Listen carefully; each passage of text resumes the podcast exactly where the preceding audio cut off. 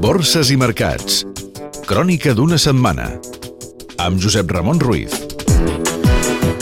Nova setmana bursària marcada per la crisi del deute a la zona de l'euro després que l'agència qualificadora Moody's ha rebaixat tres esglaons al renting del deute de Grècia davant del risc imminent, diu, d'insolvència i per la possibilitat que Irlanda pugui necessitar una ampliació de l'actual pla de rescat del Fons Monetari Internacional i de la Unió Europea. També per la decisió de Moody's de posar en revisió la solvència creditícia del Japó per a una possible rebaixa, per l'augment de l'atur als Estats Units, molt per sobre del que s'esperaven els analistes, per la inestabilitat en el preu de les matèries primeres i també per les mesures antinuclears del govern alemany i l'alentiment del creixement econòmic mundial després de les últimes i decebedores xifres macroeconòmiques publicades arreu.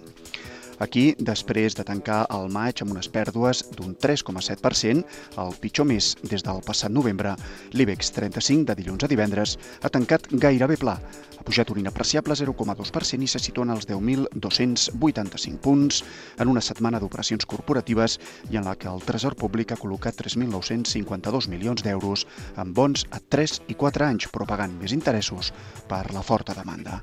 Des de l'1 de gener, el selectiu de referència de la borsa espanyola acumula uns beneficis d'un 4,33%. Cotitzades catalanes. Gas natural fenosa. L'energètica i la italiana Enel han tancat un acord de separació d'actius al 50% de l'empresa Enel Unión Fenosa Renovables. Grífols. La farmacèutica, que ja cotitza en el Nasdaq de Wall Street, ha tancat la compra de la nord-americana Talecris després de rebre el vistiplau definitiu del regulador de la competència dels Estats Units. Immobiliària colonial. Intentarà reduir en un 50% la relació entre l'import del crèdit i el valor de taxació d'un immoble, amb l'objectiu de recuperar beneficis i repartir dividends. Aircross. La química espera tancar en un mes les negociacions pel refinançament del seu deute amb les entitats financeres. Fergo Aisa. La immobiliària ha demanat al jutjat mercantil una pròrroga de 10 dies per aconseguir l'aval del deute amb Catalunya Caixa, que ha instat a la companyia a un concurs de creditors. L'euro.